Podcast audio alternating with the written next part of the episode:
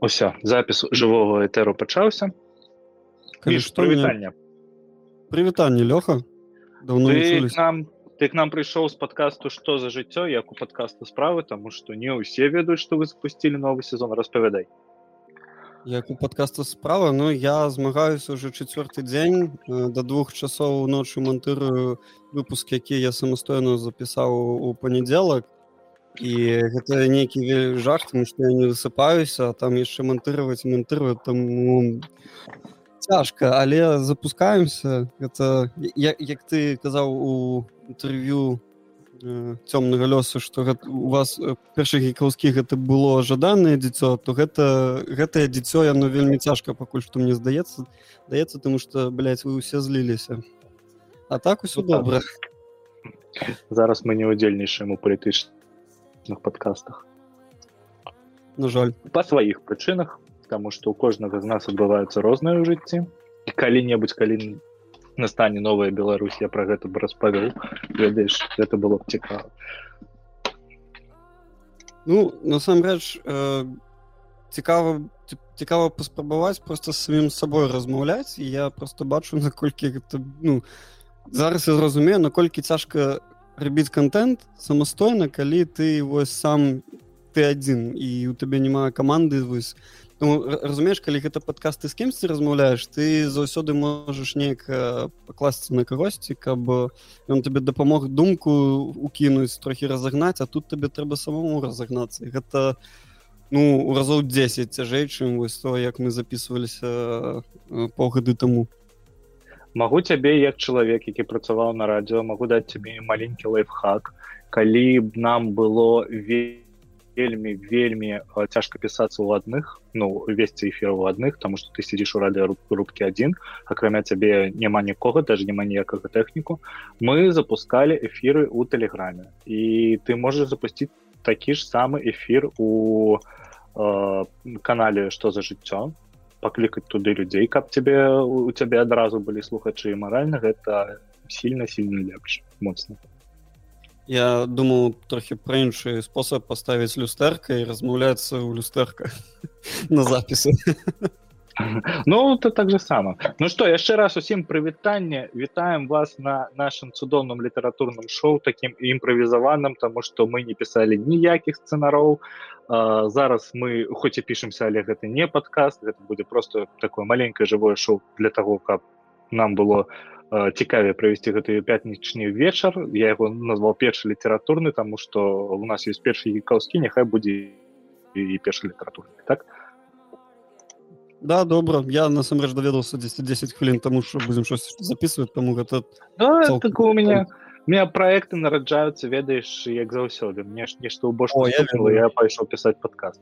Вось а, вельмі цікавая рэч са мной адбылася на гэтым тыдні тому что я шукаў кнігі для э, бабушки маёй дзяўчынкі она вельмі вельмі любіць пачытаць і яна ніколі не чытала э, дэна браун а я адзін з тых хто хто заўсёды бароні бароніць роман код да вінчы ты чытаў калі-небудзь код да вінчы Не я глядзеў толькі фільм адзін раз томом хэнкам ён ён просто жахлівае вайно просто да. гэта гэта про пра існаванне фільму про роберта лэндна трэба забыць таму что прадусеры не смаглі сцэнарысты не смаглі і акрамя лёгкага такога флёру вось гэтай элітарнасці літаратурнай Э, там нічога няма. Чым мне падабаецца увогуле дэн браун і яго гісторыя про роберта лэнгдона? Ці што роберт лэнгдон гэта галоўны герой анёлу ды демонаў коты да вінчы і яшчэ іншых пяці романаў якія пісаў дэн браун. А, мне падабаецца падыходам тому что калі выбраць якой-небудзь блізкі варыянт які бы вам быў бы знаёмы я бы сказаў что гэта індыяна джонс хто-небудзь успамятае лару крофт. Ну то бок вы разумееце что гэта такое. Гэта а, ну, як і індиана джонс роберт лэндон ён прафесор які преподае але преподае не гісторыю. І ён уліпае ў розныя гісторыі наконт того что адбываецца. Адбываецца у нашым сучасным жыцці у нашай сучаснай поп-культуры. І там вельмі шмат ведаеш таких розных ілюмінатаў теорій загавара вось такога то бок тое ад чаго ты палмом штосьці гэта такой э, саспенс дэтэктыў датычыцца ну романы. Як так. ты можна маршыць гэта вельмі вельмі лёгкі дэтэктыў які э, ну ведаеш што гэта дэтэктыў под цыгарету. Таму што под такое трэба піць каву паліць э, і не, не напрыгацца я калісьці бачу такое меркаванне што кнігі дэна брауна вельмі лёгка чытаць калі э, адключаеш свой мозг. Таму што калі ты э, думаеш аб тым што ты чытаеш цябе хоць ходцца фейспалмам прабіць просто сябе твар. Ну я просто не чытаў мне цяжка зразумець але ты распавядай продолжай Вось э, я зноў пачаў чытаць прыгоды роберта лэнда на некалькі дзён таму таму што мне ну захацелася зноў гэта акунуцца зноў гэтым апыніцца і я бы хацеў цябе параіць. Памятаеш я калісьці цябе так параіў дзюну прачытаць. Вось мне было б так же сама цікава паглядзець что ты об гэтым думаешь пра дзюну крыху пасля паговорам Таму што анёлады деманы гэта такое неверагодная э, літаратура у тым пляне што яна вельмі лёгкая там вельмі лёгкі слог і пры гэтым там э, вельмі неверагодны сюжэт у тым плане што ў яго есть вось гэта вот э, флёр элітарнасці то бок галоўны герой летае на літаках э, на ведаеш на долго думаю нейкія думкі. Так так яго асяроддзе ведаеш што гэта рым ці версаль нейкі. Ён заўсёды знаходзіцца паміж нейкай культурнай плошчы ну, якая его акружае. Ён не можа стаяць ведаеш просто у двары якога-небудзь дома. Ён заўсёды будзе стаять на вацлавскай плошчы у чэхі ці нешта такое. Яго заўсёды будзе нешта ну вось калі вы будете чытаць код да вінчы ці вы чыталі код да вінчы адні з галоўных падзей пачатка кнігі разгортваюцца у лувры у тым зале дзе вісіць джаконда. Ён аблівае якраска як экаактывіст не не благо там не краской там там супом тому что э, таксама вельмі цікавая тэма тому что э, ты ведаешь адкуль пошла гэтая тэма чаму абліваюць супом? Не. Uh, суп гэта не краска ён не можа нанесці ці што вельмі жорсткіх uh, не, не можа вельмі жорстка пакрыўдзіць карціну ой не пакрыўдзіць а забыл слово падказваць. Пашкодзіць ён не можа пашкодзіць э, карціну і таму выкарыстоўваецца вось такая там. А яны просто пытаются э, прывлечь вашу павагу к пытанням э, усімірнага пацяплення к пытанням таго што адбываецца з нашай прыроды зараз і так далей раней было ведаеш цікаве раней я памятаю што нейкі мужик прабіваў свае яйцы к плошчы у Росіі на чырвонай плошчы і вось вось тады быў акцыянізм А вось суп вылет на джаконду гэта такое сабе. Вяртаючыся да кода да віншын ты пачаў распавядаць я гэтым летом нарэшце дабраўся і прачытаў бертэка уже не код да вінча а імя розы. Таксама вельмі так ты чытаў не распавядай мне цікава О я табе вельмі раю табе спадабаецца тому что гэта такі э, дэтэктыў э, які гістарычна происходит дзесьці у 13 веке. Ён э, такі ён э, падзеі прыходзяць у манастыры і увогуле вся гісторыя распавядаецца ад твару э, як это вучня які асобы ад асобы вучня які вандруе са сваім настаўнікам у іх там яны нейкія палітычныя э, справы намагаюцца вырашыць яны вось прыязджаюць у гэты манастыр і вось яны там 10 тыдзень праводзяць у гэтым манастыре час і там вось адбываецца шмат падзей там адразу забойства. Ён такі яшчэ ведаеш э, трошашкі ў ім ёсць ад шерлака холмса э, ад гэтага настаўніка. Ён вельмі цікавы і у сэнсе што ён быў напісаны як кажа у предаслові умбертэк ён знайшоў нейкія нейкія лісты ў бібліятэкі старыя манускрипты быццам бы што гэта э, гісторыя яна вось дзесьці калісь адбылася захвалася ў адной копіі ён просто перапрацаваў гэтую гісторыю ў сучасны у сучасную кнігу. І і вельмі цікава распавядаць там паміж тым як яны вось ідуць по дэтэктыўнаму сюжэту там таксама яны паміж сабой размаўляюць на розныя тэмы якія вось из 13 стагоддзя яны вельмі добра адгукаюцца на сённяшні час. Я сабе прям не ведаю. Тут у меня нотатка на 3000 сімваляў я себе тут цытат э, наспампаваў з гэтай кнігі э, вельмі раю. Яна таксама лёгка чытаецца вельмі хутка э, ты е просто прападаеш падаеш і забываеш про ўсё что адбываецца навокал. І яна вельмі такая цікавая для рефлексіі тому что там ёсць і думкі ад вось этого ад асобы вось гэтага маладога вучня і думкі вось гэтага его настаўніка які умудроны часам свайго жыцця на розныя тэмы Э, то як які ён начытаны ён шмат чаго ведае для свайго часу вось для таго асяроддзя дзе ён у 13 стагоддзін знаходзіцца як як ён выбудоўвае сваю думку. Плюс гэта яшчэ ўсё таким это ж ну я сам не не веруючы чалавек у біблію там у Бога не верую можна сказаць у гэтым пляне атеіст але э, тое што ён яно написано таким трошачки мабыць цяжкім языком царкоўным хрысціянскім яно не ніяк не перашкаджае яно толькі дадае вось гэтага саспенсу вельмі раю яно яно вельмі добра чытаецца вось як для рефлексіі таму пачытаю добра А, вось ты правадзіў прыклад што гэта больш нагадывае шерлока холмса. Ты маеш на увазе па сюджэту ці па слогу якім ён напісаны Не слог там а, зусім іншы. Слог там першую главу я пакуль пачынаў чытаць было цяжка гэты слог ўвайсці тому что гэта ну, незвычайны слог то бок там такі больш як бы табе так патлумачыць такі больш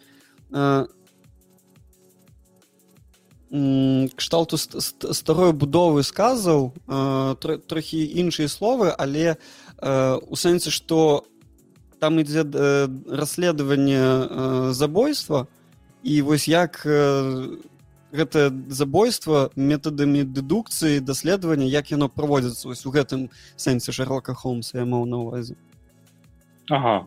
Ну слухай гэта цікава. Ты потым пасля эфіру напішы мне яшчэ раз як называется кніга тому что я с радасцю пачытаў бы. Я табе э, одну цікавую фразу. Мне мне э, шмат э, цытат ёсць я на я чытаў на рускам тому мне цытаты на рускам запісаны зараз я тебе прочытаю штось да, давай ты мне щось распавядзеш а я тут штосьці такое самае цікавае самае такое вось выразнае выберу каб просто привесці пример Я вось якраз хацеў з табой паразмаўляць пра тое у на якой мове чытаць і як зараз гэта адбываецца таму што з анёламі ды демонамі якіх я зараз чытаю Дэна брауна я суступнуўся з такой тэмай. Я шмат чытаў кнігі на расійскай мове і зараз калі я ўжо цалкам пераключыўся на беларус рускую мову я продолжаю чытаць кнігі на расійскай мове тому что ўсяго того что я хочу прачытаць на беларускай мове конечно няма а а... не успел перакласть просто з гэтым все праблема Ну так мы мы яшчэ не, не паспелі гэта перакласть так. А, але цікава тое что анёлы для демона гэта першая кніга якую я пачаў чытаць на ангельскай мове. Трэба сказаць что у мяне не самы моцны ўзровень ангельскай мовы але я працую на іх на ангельскай мове я камунікую на ёй кожны дзень і ну ведаеце як камунікую. Мне здаецца что мой ўзровень 10 зараз бы2 каля гэтага калі вы разумееце что ўзровень вельмі добры ўзровень ну, все таким валодаюць насамрэч. Ну Мабыць но мне здаецца что твой ангельскі вось як мы с тобой состалкиваліся ў жыцці мне здаецца что твой ангельскі лепей чым мой. Але ты жыў у ЗША Ну выбач да у меня просто практыкі было больш і у меня больше хардкорное навучанне было. Павяртаючыся вось ты я твою думку на то на ты пытаў на якой мове чытаць так вось э, э, такая цікавая фраза э, цытата на расійскай мове з умбертэкам э, красота космоса является не только в единстве разнообразия но и в раз э, но и в разнообразии единства цікава вельмі добрая э, тому что ну яна вельмі добра адлюстроўвае шмат чаго нават не не, не, не, не беруся зараз нейкія прыклады перад новость прыклад того на якой мове чытаць на беларускай на расійскай ну калі кніжка добрая і думка, любой мове не зашквар ну просто ты тут важен ужо сэнс что ты чытаеш як ты ты разумееш то что ты тут э, выносіш адмаўляцца ад кніг толькі з-за таго што яны не на той мове на якой ты размаўляеш гэта крыху вар'яцтва таму што ну мы зараз стаім у той сітуацыі калі на беларускую мову не лакалізоўваецца шмат кніг. А, мы так і не дачакаліся ад выдаества Янушкевич напрыклад чацвёртай кнігі гары потара на беларускай мове.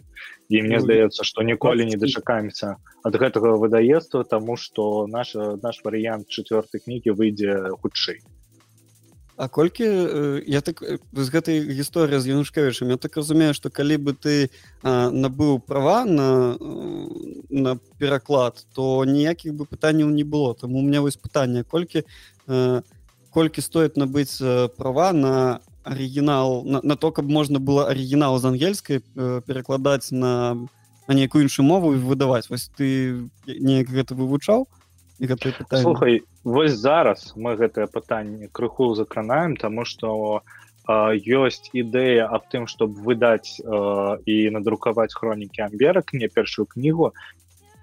І мы сышліся на том что калі мы яе не прадаем і мы аматарскі пераклад то бок мы робім ведаеш ніяк выдаества як частная час частная асоба. Э, просто э, там некалькі экземпляраў там 20 напрыклад то гэтыя правы будуць каштаваць каля тысячи еўра калі ты хочаш афіцыйна перавесці але э, няма такога і такой рэчы як э, некамерчаскі пераклад Таму что калі ты набываешь права на пераклад то гэта подразумевае то что ты э, і э, адразу набываешь правы яшчэ тебе трэба набыць права на распаўсюджванне гэтай кнігі Таму просто набыць права на пераклад немагчым трэба адразу набываць і ўсё і ты як бы як там ну, не ведаю як юрыдычная асоба ці фізічная асоба маеш вось ну ўсё жыццё ліцэнзію каб не не не не не не.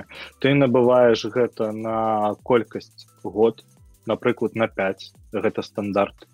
І ну... потым выдаеш. І потым ты зноў і зноў должен аднаўляць э, правы на тое каб яе прадаваць ну у выніку калі ты толькі не адзін раз надрукаваў распрадаў усё і забыл. Так так. Ну гэта ведаеш што гэта такі э, велічэзны бізнес які працуе вельмі вельмі непразрыста таму што калі я пачаў капаць у гэта у мяне быў вялікі жах таму што ведаеш зараз напрыклад калі мы кажам пра расійскамоўныя кнігі там тры выдаества трымае увесь рынок.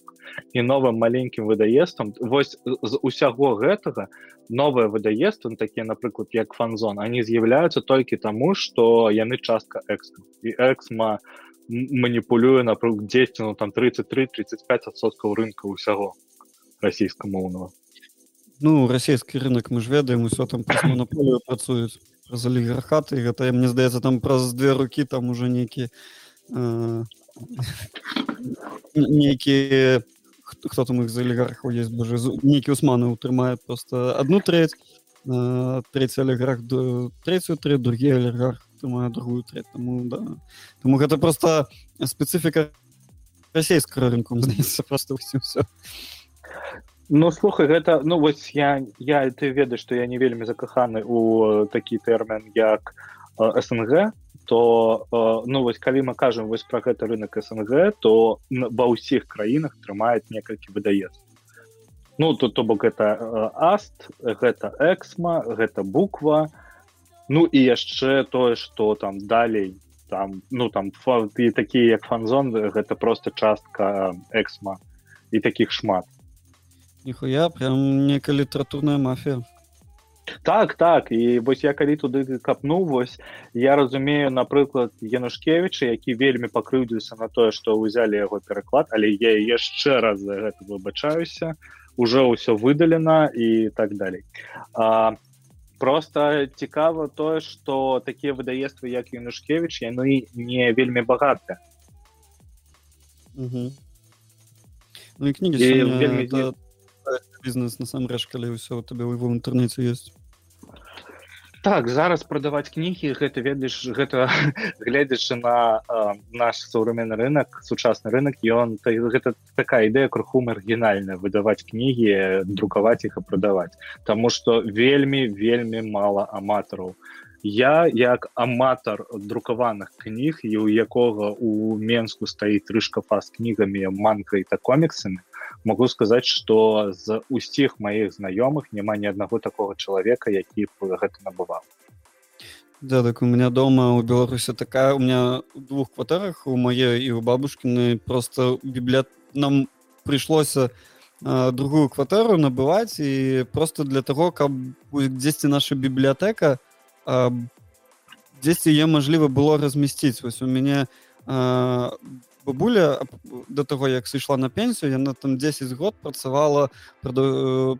это продавщик продавшыцу продаўшыцы кніг а дядя у меня займаецца тым что вось ён менавіта возіць кнігі і ну кніжным бізнесам. У нас кнігі просто ус... не здаецца усе кнігі які ёсць самыя такія іканічныя яны вось ёсць у нашай бібліятэкі. Тому я не ведаю мне цяжка не чытаць штосьці ў электронным фармаце акрамя вархамеру потому что няма сэнсу набываць яго але вось любую кніжку я заўсёды намагаюся калі штосьці хочу пачытаць заўсёды пишу маці і пытаў у нас ёсць гэтая кніжка можешь мне даслаць? І яны вось гэтая бібліятэка яна уже паціху я жыву за мяжой і лічу такая что у меня ёсць філіал нашай бібліятэкі за мяжой. Я ўсё намагаюся чытаць у паперы я ведаеш мне заўсёды есть рытуал я адчыняю гэту кнігу асабіста як калі яны вось э, з хатняй бібліятэкі я адчыняю там некая кніга якая вось я чытаў э, некалькі месяцаў таму знайшоў у мяне кніга была мне бабуля усунула я, я, яна там лежала не, не ведаю гадоў 10 э, герой лады 85 -го года выдавецтва на беларускай мове у, са, у так такая такая невялічкая кніжачка на 150 сторонок і я яе адчыняю і вось гэты э, запах э, смак не, не смак это пах. пах вось гэтай паперы старой надрукаваны 40 амаль 40 гадоў таму і перед тым як пачаць чытаць просто любую сторонку адчыняешь вось тут такія веды вось вось як па, па, пахнуць веды цікава. Як мяне зараз чутна скажы табе чутно добра распавяду гісторыю як дому маей бабушки з'явілася бібліятэка мой дзед быў вельмі улюблены у літаратуру фантастычную фэнтэзі каля фэнтэзі і навуковая фантастыка і ён калі гэта быў мне здаецца я могу быць ці 76 ці 79 год. Ён працаваў тады ездзіў вельмі шмат будаваць дома ў чэхі на той момант чэхаславацкая рэспубліка і там зачынялася расійская бібліятэка пры амбасадзе і ўсе кнігі якія там былі таму што яны на расійскай мове у чэхі хацелі утилізировать і мой дзед у тры ходкі вывез амаль што ўсю бібліятэку якая там была. А там ведаеш что там ну там напрыклад э, там напрыклад э, творы струга стругацкіх не ну про стругацкіх я я не ведаю ці былі яны там там там напрыклад увесь рамарк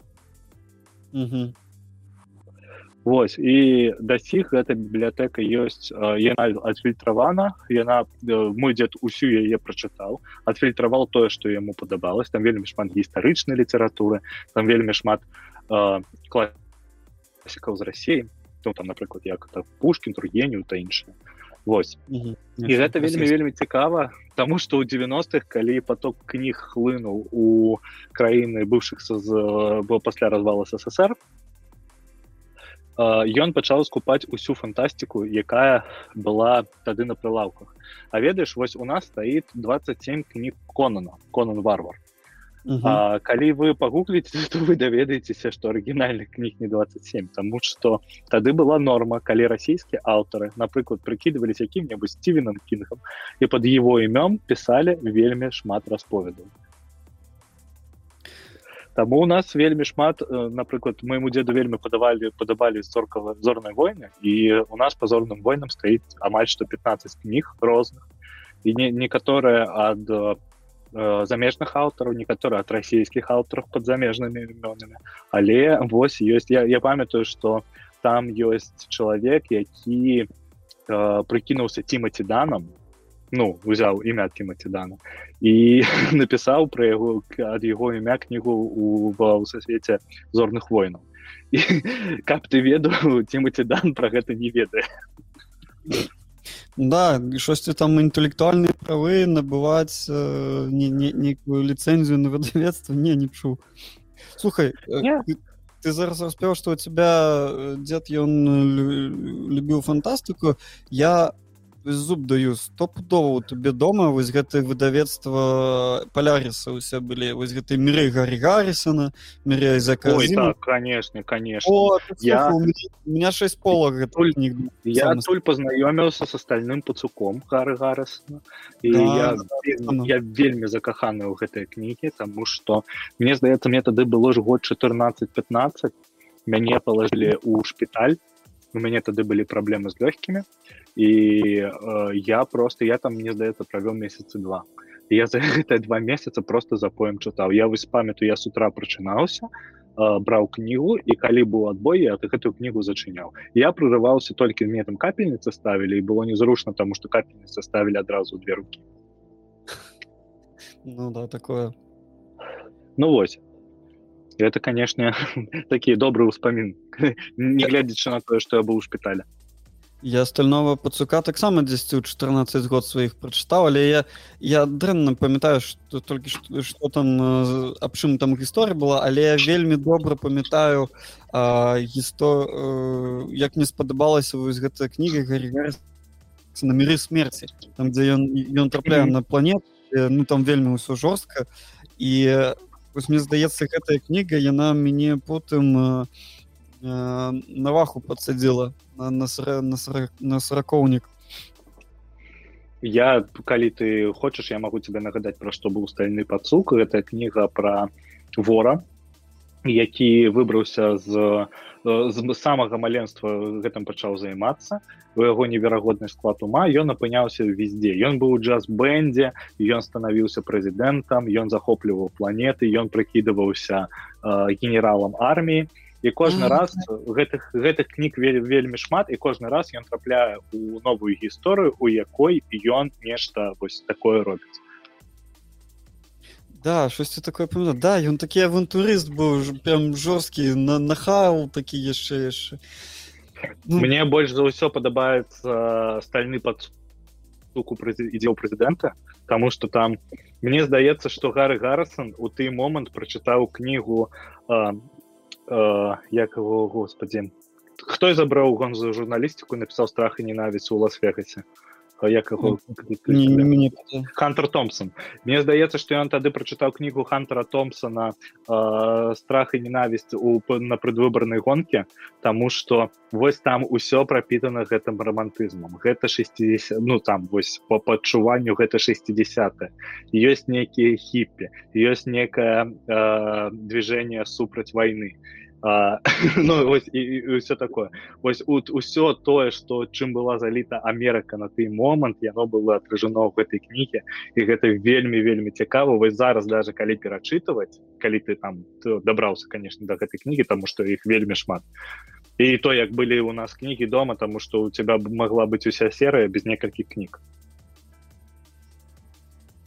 Ну да так э, ну, ну, у меня шмат было. Ну, у меня камя гарі гаррисона з гэтых міраў былі э, шмат шмат кого я не, ўсіх нават прачытаў э, вось ведаеш якая ёсць што я как калі павярнуся вось у нашу Беларусь то вось займуся тым што я перачытаю всю ту бібліятэку якая э, я толькі наверное адсоткаў 5 максимум з того што у меня дома ёсць так ці інакш прачытаў і я калі на гэта ўсё успамінаю гляжу на гэтыя полкі колькасць гэтай літаратуры разумею што вось моя бабуля і моя маці гэта ўсё прачыталі і Мабыць не по аднаму разу я не разумею калі і як это ён адкуль іх столькі часу было чытаю я...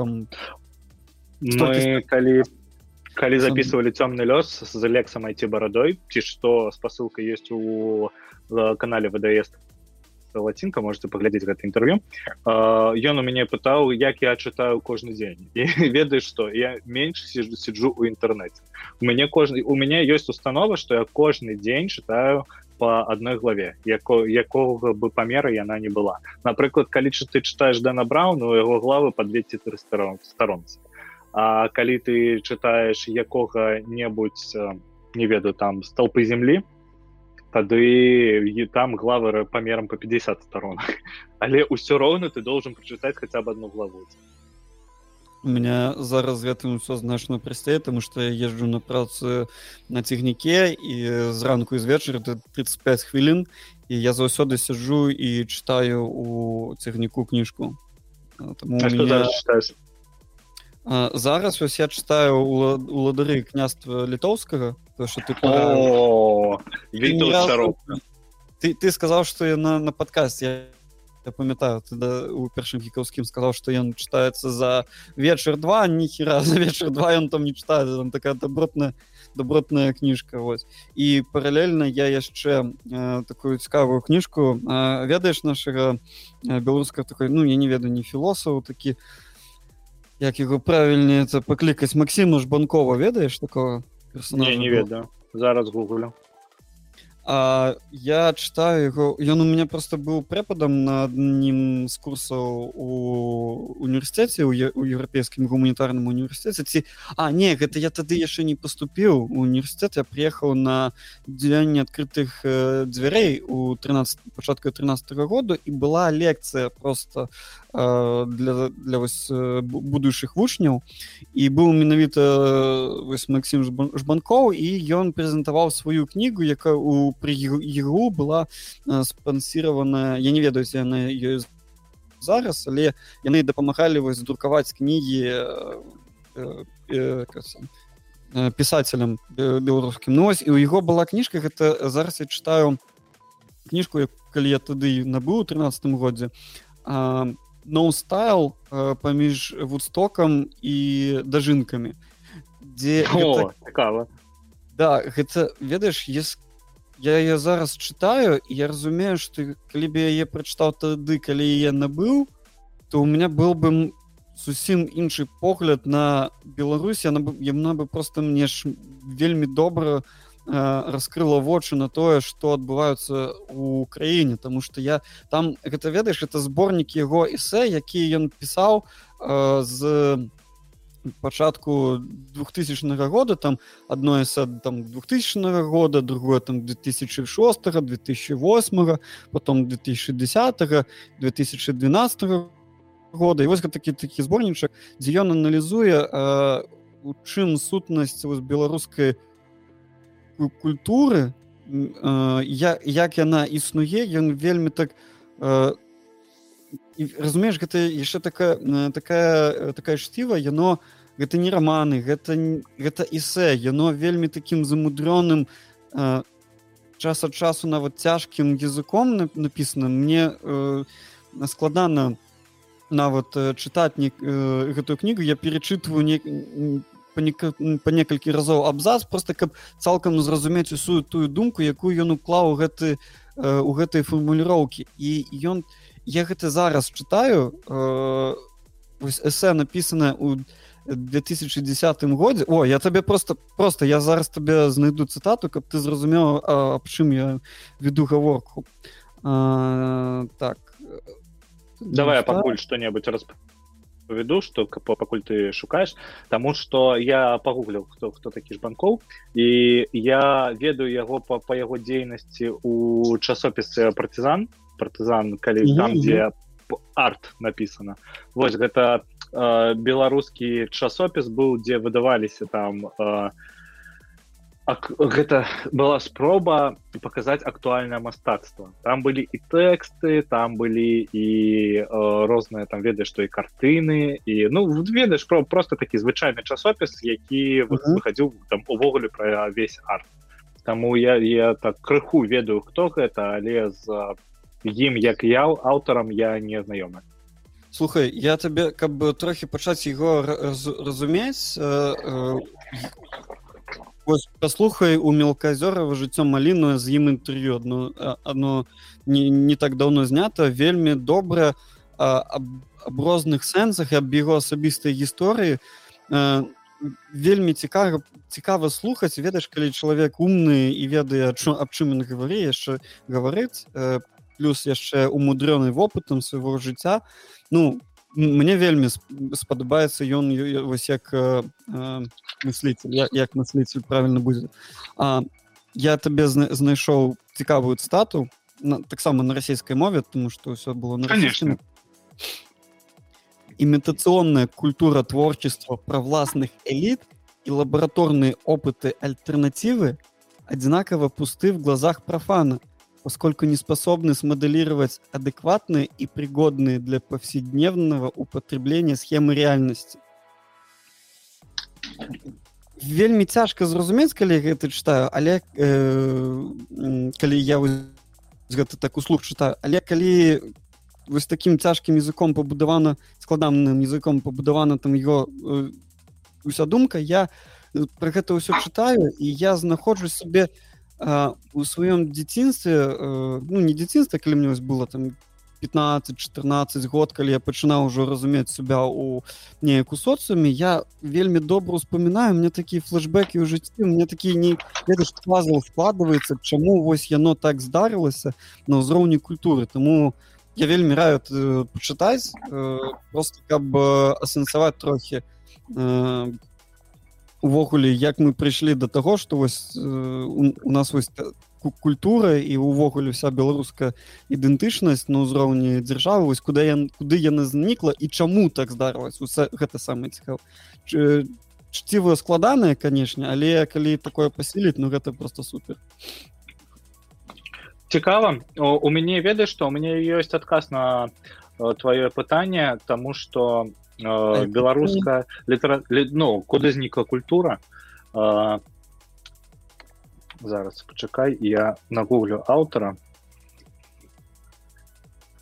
аўтара клічуць владимир козлоў гэта аўтар з макілёва і калісьці калі ён прыходзіў до нас на інтэрв'ю калі яшчэ працаваў на тэлебачанні. Пра маю таксама працу на тэлебачанні можна паслухаць у цёмным лёсе. Яшчэ раз нагадваю што спасылка ёсць у канале супол ну у канале лацінкі Вось і мы з ім размаўлялі ён казаў што ведаеш што калі мы паглядзім там напрыклад на польшу та літву та іншыя там краіны якія знаходзяцца вакол нас усіх маладых аўтараў і усе маладыя выдаества падтрымлівае грамадзянская супольнасць плюс само само грамадзянства само государства вот. да, да, да. і яно заўсёды дае датацыю датацыі нейкі яно заўсёды дае для новых аўтараў магчымасць апублікавацца то бок ім даюць гранты на гэта ўсё. І новым аўтарам ім можна выплыць з лайна і так ці інакш зрабіць сваю першую кнігу і паглядзець як як просто по грошам гэта тому что калі ты паглядзіш размовы з якім-небудзь Віктором марціновичам які зараз ну мне здаецца ну калі не топ-1 беларускі пісьменнік ну у топ-10 ён так 100 про 100 уваходит гэты чалавек калі піша одну кнігу ну ён не жыве на літаратурную дзейнасць гэта перша ён вядзе дзейнасць як выкладчыка. Ён выкладае універсітэтах. таксама? Так так ён быў ён быў выкладчыкам у ЕУ і калі з ім паразмаўляць ён кажа што ён атрымлівае там напрыклад ганарар там, там 3000 еўра за кнігу. а жыве за гэта там 3-4 месяца а потым зноў звяртаецца до того каб не выкладываць выкладаць. Ну да прыкладна так, так і есть um, я насамрэч для сябе пачаў адчыняць вось гэта э, менавіта беларускіх э, блин зараз чакаю. Пісьменніку. Пісьменніка вось адчыняць беларускіх пісьменнікаў тому что ну дагэтуль я ну з чамусьці просто імі ну не цікавілася тому что у меня ўсё ўсё яшчэ дзесьці ў галаве быў гэты стэеатып аб тым что ну что там у беларуская культура можа прадусировать а не я для сябе адчыняю з такого з такого іншага боку что просто я я дзіву даюся як як я помимо ўсяго гэтага прыйшоў ось ведаеш что я табе яшчэ такого цікава э, пара прадвечным шляхам? Ведаеш такое эсэ? Конечно. Ведаеш? О вось гэта вельмі моцна. Я вось яго прачытаў таксама 10 два месяца таму нам на, на адным з курсаў параілі і потым распавядзі крыху пра што. А, ну, я конечно з мяне такі добры распавядач ну давай. Прадвечным шляхам эсэ напісан на, на написано ігнатам абдзірловичам ці як яго звалі ігнат канчэўскі гэта беларускі пісьменнік і філосаф і ён напісан у міжнародны перыяд. Вось менавіта калі было станаўленне беларускай народнай рэспублікі ён шмат сябраваў з луцкевічамі з усімі нашими так сказать фаундин фазерс і он ён напісаў вось гэта прадвечным шляхам сваё эсэ у мне здаецца у 21 годзе так это вось было у прошлом годзе 100 год як як было написано гэта эсэ дзе ён э, разважае аб тым аб лёсе э, ідэйным лёсе беларускай беларускага народа як ідэя якая апынулася паміж захадам і ўсходам і як сябе ў гэтым знайсці. І ён у гэтым эсэ ён адзначае на якім на які на якой пазіцыі на якой кропкі у часе зна, знаходзімся мы зараз. То бок нейкую фак, э, разважае аб факталогіі таго часу якая ёсць з чым мы маем справу ён таксама разважае аб гістарычных аб гістарычным лёсе. Як гэта ўсё э, менавіта тэрыторыі беларусі як як тэрыторыі як яна ўвогуле складалася і з якімі праблемамі беларускае грамадства вось у тым часе апынулася. І вось я гэта чытаю 2022 годзе я читаю мне здаецца что гэта было написано просто учора. Тому что усе тыя ж самыя праблемы усе ты ж пытанні дагэтуль перед нами вось як, як беларускай нацыя яны стаяць і таксама я гэта читаю і ну таксама дзіва даюся. Вельмі ну, чаму нам такую ў школе не, не прыбытавалі? Гэта ж ну як мінімум просто круто як як як пішча для для твоего розуму пра школу зараз яшчэ с тобой паговорым. У я такія ж адчуванні ведаеш што яны ў мяне былі калі я чытаў нататкі нашай нівы тысяча мне здаецца 910 10 года якія былі выдадзены на лацінке я іх знайшоў у беларускім долі доме супольнасці. Ёсць сканы гэтай газеты і можна прачытаць пра што яны пісалі і калі ты глядзіш на навіны нашай нівы там варыянт 1906 10 там 17 гадоў гэта неважна увогуле не мае но яно ніяк не датычыцца часу тому что калі ты чытаеш ты бачыш агульныя праблемы якія нас преследуюць там не одну сотню гадоў что там наша ніва можа пісаць про то что там Беларусь ёй трэба незалежнасць что няма самасвядомасці что беларускую мову знішчаюць что гэта я уже чытаў калі советы прыйшлі і там было сказано что вось яны нам абяцалі тое что у нас будзе незалежнасці мы можем друкавацца на той мове на якой мы размаўляем а угу. зараз мы бачым что гэта ўсё лайно і, і ну і так далей да да то это я яшчэ ведаю что я тут переехаўшы ў гданьск я тут знайшоў таксама беларускую дыаспору і тут ёсць э, у гданьску э, цэнтр салідарнасці. Это то, тое месца вось адкуль пайшло пайшоў рух салідарнасці адкуль э, быў зламаны можна так сказаць савецкі строй. Разбураны разбураны турмы муры да да так ёсць і вось гэта э, менавіта та, тая вось тое месца дзе працаваў э, лех валенца лех валеса. Я ўсё жыццё мне здавалася што яго звуць лех валенца а яго звуць лех валеса да і вось э, зараз на, на месцы вось, дзе гэты істочні былі істочні гэта э, верх э, тут пабудаваны э, 15 год таму пабудавалі э, цэнтр салідарнасці і для беларусаў там э, вось беларусы там праводзяць моўныя клубы раз у нядзелю і у нас апошні я туда вось штосьці пачаў туды хадзіць мне зацікавіла тому что я вырашыў мне неяк надо трэба практыкаваць беларускую мову і там э, пачалі ладзіць э, не пачалі яны ўжо даўно ладзілі але вось я э, апыніўся ў тым часе калі э, ведаю уже шостая ці сёмая лекцыя якую вядзе нам э, праз зум з варшавы э, віталь дранько маісюк ён нам распавядае пра э, што гэта мова на нова так так. І вось ён нам распавядае про э, пра беларускіх паэтаў ён нам э, я, я слухаю там пра цётку пра Масіма танка цётка гэта лыза пашкевіч вось у нас апошнім час жанчына было... з такім неверагодным жыццём яго да, можна я... чытаць просто як нейкі трыллер так, так, так. вось э, я, я кожную нядзелю прыходжу я вось просто сижу сабе і записываю так вось гэта трэба пачытаць гэта гэта гэта.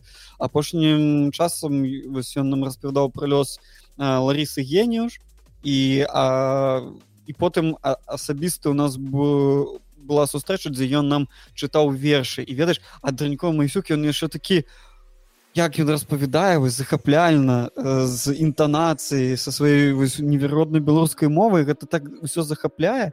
І ну, я, не ведаю я для сябе для сябе пачаў адкрываць нават мне здавалася ну что тое стихі вершы э, гэта ж ну не цікава чым іх яшчэ ведаеш вершы у меня заўсёды было са школкі бля их верш вывучыць. Да ну, ну навошта вучыць вершы не раз... я яшчэ разумею зараз што я не разумеў аб чым гэтыя вершы я просто вывучаў словы каб добра іх э, адзін за адным распавесці на урокі атрымаць адзнаку каб ну не ну не была двойка. А аб чым гэтыя вершы я не асабіста ну увогуле не, не задумаўся а зараз я чую гэтыя вершы асабіста як вось з інтанацыяй іх э, віталь нам чытае Ну яно вельмі захапляльна і у меня такі ўжо ліст для чытання не ведаю на, на, на наступны год 5-6 так стосоткова пра вершы хочу распавесці вершы гэта рэп таго часу калі мы будзем глядзець ну вось, вось бліжэйшае параўнанне гэта гэта рэп. Гэта вось тое што зараз робяць розныя нойземсі аксіміроны беларускі абсент калі вы такога ведаеце і для мяне вось таким вось неверагодным рэпам апыніўся янка купала. Я полторы гады таму паглядзеў фільм беларусь фільмы про янку купалу які так і называется купала вельмі вельмі раю вам яго паглядзець ведай что вось я ну я не не сказать что особо глядзеў беларускае кіно але вось гэта прыклад того что беларусы могуць здымаць кіно на мировым узроўні гэта можна паказваць у кожным кінотэатры мира і не абасрацца і для мяне і калі там ёсць моманты дзе янка купала ходзе па вуліцам вільны э, на яго падае снег і ён просто чытае свае вершы і ты зараз э, чуеш гэты вершы мы усе вывучалі вершы янкі купала ў школе. Але нічога такога э, нічога такога ты не адчуваў тады. Але зараз калі ты калі ты пагружаешься калі ты пагружаешься ў творчасць купалы ты нібыта слухаеш якога небудзь аксімірона яны мега мега эрудзіраваныя яны а, з панчамі таго часу якія можна просто вось вгрызцца і зразумець. Гэта вельмі цікава разбіраць. Да так так і ёсць. Давай слово табе что ты хацеў сказаць. Да я не ведаю. Что я вось ты зараз распавядаў я ж і я яшчэ сабе на такой думкі схапіў что а, ось я зараз вільні з'ехаў пражыўшы там дзе 9 э, год. Зараз менавіта вось як я з'ехаў я пачаў больш цікавіцца вось беларускай культурай літаратурай і гісторыі э, пісьменнікаў і разумею што так ці інакш усе былі э, у іх лёс быў так ці інакш звязаны з вільняй і для мяне ну, гэта мяне... наша гэта наша культурная сталіца калі так глядзець прабач што я тебе перабіў вільна гэта наша культурная сталіца амаль што кожны дзеяч які аказаў даўленне на нашу гісторыю. Там вот, ты калі мы вось пачынае ад янкі купалы і сканчваючы гэтым господі кастусём каліновскім. Кожны з них іх лёс быў звязаны з вільнай і друкаваліся яны ўсе амаль у наваколе вільнюса. Я просто да того что усе гэты 9 год вось та дум мне было то разуменне что вось вільня так ці інакш была звязана гістарычна з беларусю праз княства літоўская праз рэч паспалітую праз гэтую культурную звязку праз нашу інтэлектуальную міграцыю. Але ну я гэта не ведаеш сэрцам не адчуваў і зараз калі я пачынаю ўсё больш і больш дазнавацца я ўсё больш і больш э, пачынаю захапляцца і улюбляцца ў вільнюс нават уже не жывучы там потому что я ну вільню знаю на кожны закуточак цяпер я даведаюся про про вільню ўжо не про тое что я як я жыву про сучасна становішся а про гістарычна про пра гістарычную праз нашу спадчыну беларускую беларускіх пісьменнікаў это прям ну не ведаю такое вось як гэта адчуванне апісаць яно вельмі то што я толькі ўсё больш і больш улюбляю сваю вільню нават калі я тут з'ехаў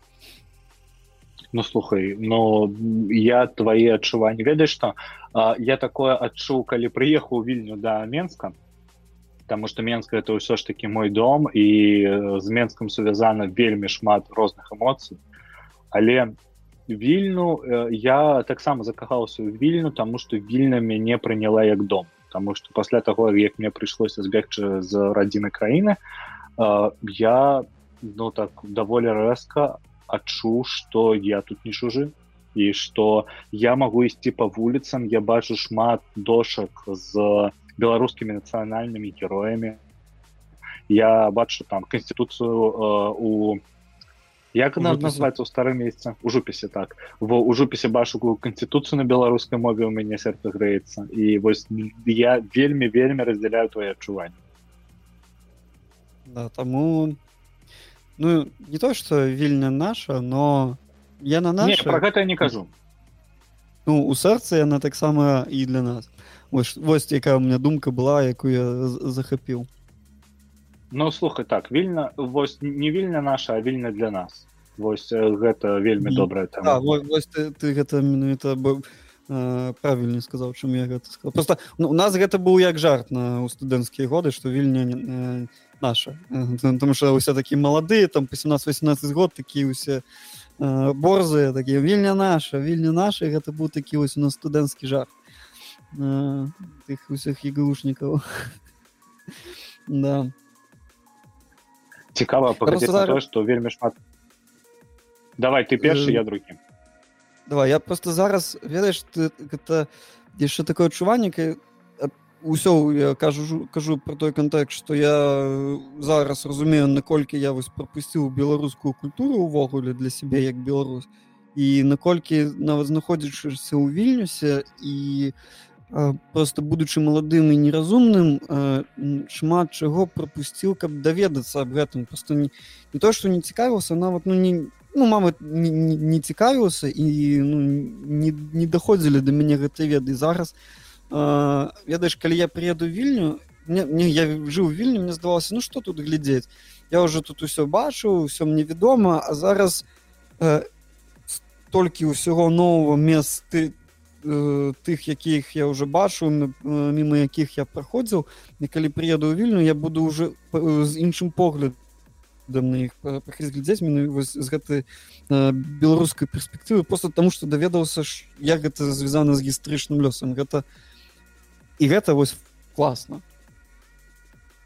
Я скончу цікава тое што нынешнія сучасныя аўтары якія публікаваліся ў беларусі таксама прайшлі іх лёс пралёг то праз вільню таму што мы можемм паглядзець на Віктора марціновича які таксама пачаў выдаваць свае кнігі ў вільні. І калі ты паглядзіш на яго беларускамоўныя творы яны упершыню былі выданы ў вільні што самае цікавае.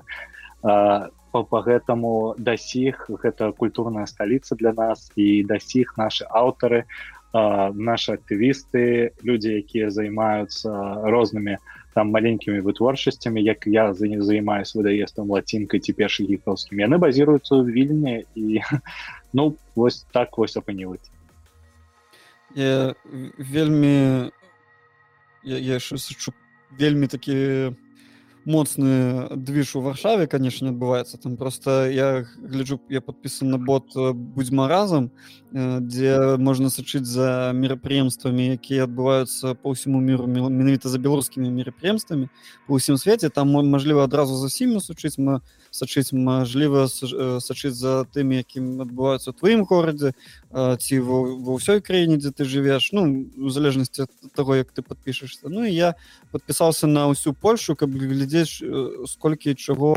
адбываюцца ў польше так я табе скажу что я прям зайздрошчу тым людзям якія жывуць зараз у варшаве тому что ну там столькі цікавага движу.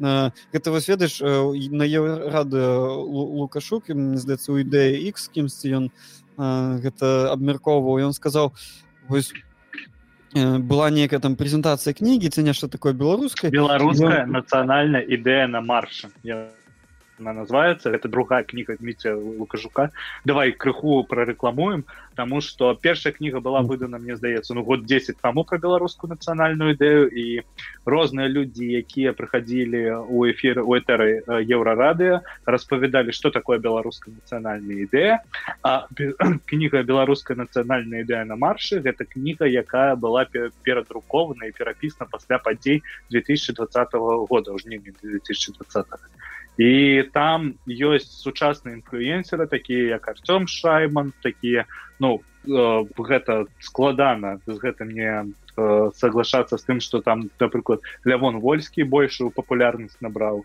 і больше попыт э, зараз гэта, гэта два выдавецтва просто нацыянальная ідэя і нацыянальная ідэя на марш гэта две асобныя так. кнігі і вось яны так. зараз на, надрукавалі вось гэта першую першае выдавецтва таксама падрэдыктаваны і зараз яны яго праз свой патрыён прадаюць. Я вось таксама чакаю зробку і думаю сабе набыць пакуль яшчэ ўсё не разабралі. Конечно гэта кніга такая махіна але мне здаецца трэба мець.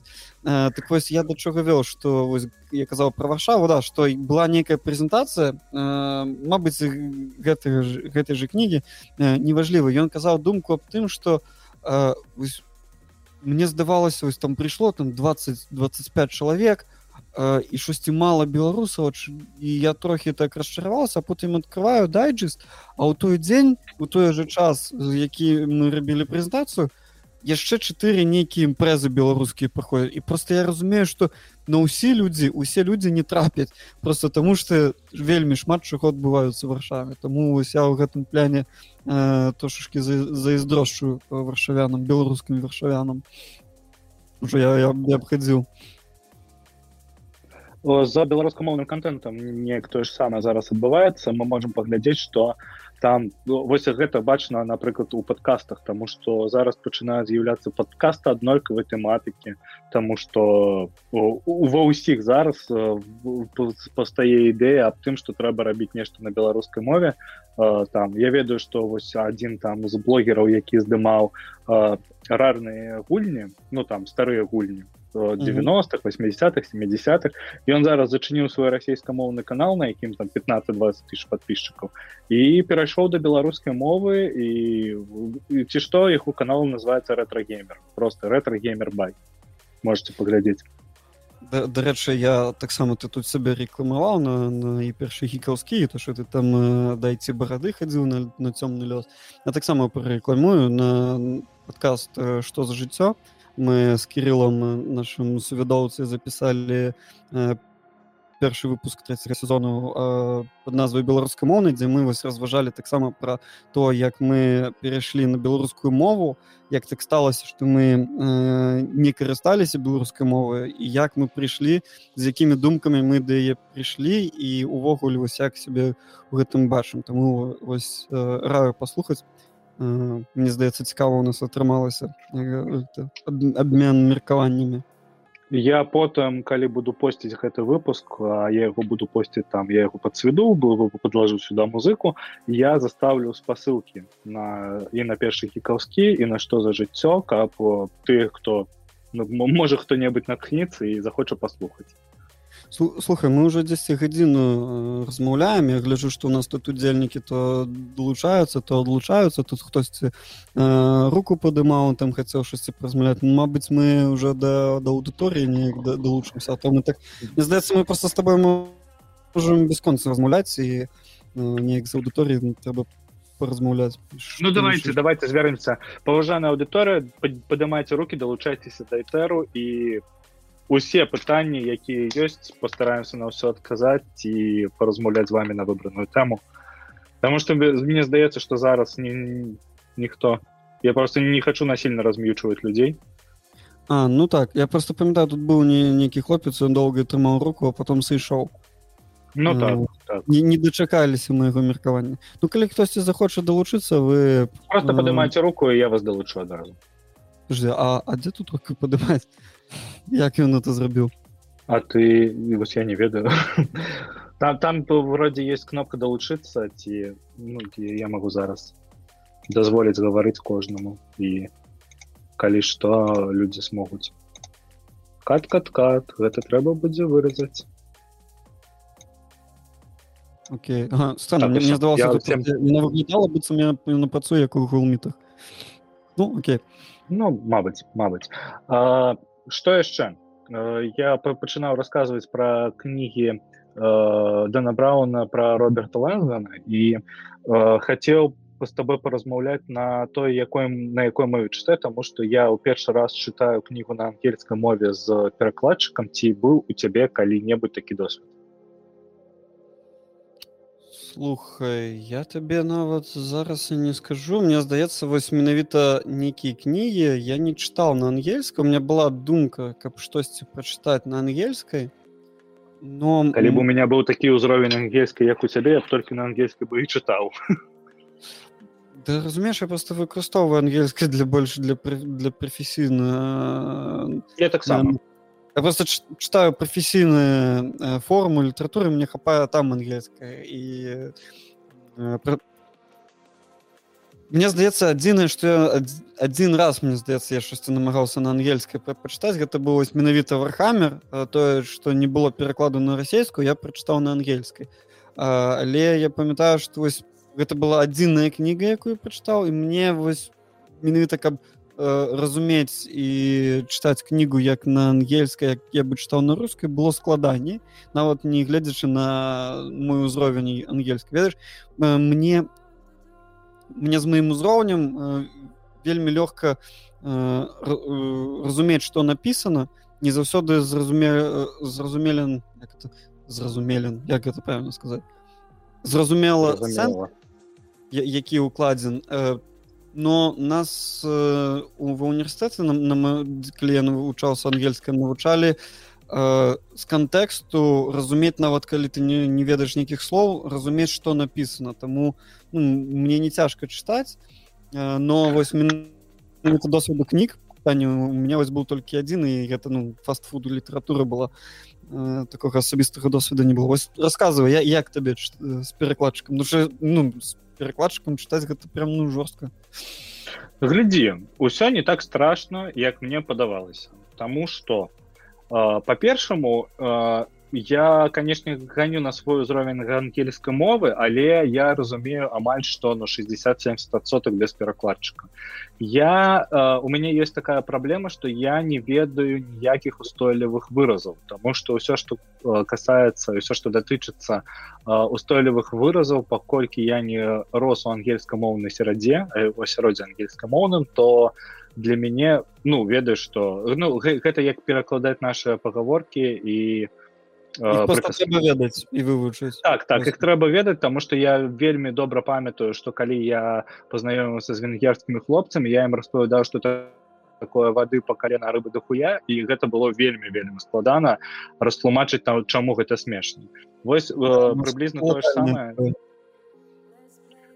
вось прыблізна тое ж самае я адчуваю зараз калі чытаю гэтыя кнігі я карыстаюсь google транслейтам калі мне нешта незразумела у kindle ёсць вельмі добрая функцыя на гэты план можна просто увайсці ў браузер і про там адразу пераклаць у kindle ёсць вельмі добрая функцыя яшчэ калі ты не разумееш нейкі тэрмін ты можаш яго выдзеліць і паглядзець на вкіпедыі по які гэта тэрмін что гэта такое? Тому что вось напрыклад роберт лэндон ён летаў на самалёце Боинг X33 вы можете вось зараз калі вы слухаеце эфир или слухаце ў гэта запісы паглядзець что такое Боинг X33 і чаму гэты самолет такі неверагодны і вось гэта вельмі цікава тому что мне здаецца что калі б я чытаў гэта на расійскай мове я бы просто не за ну, не заўважыў бы гэтага факта тому что я не ведаў э, ну такі там было б написано боинг x33 добра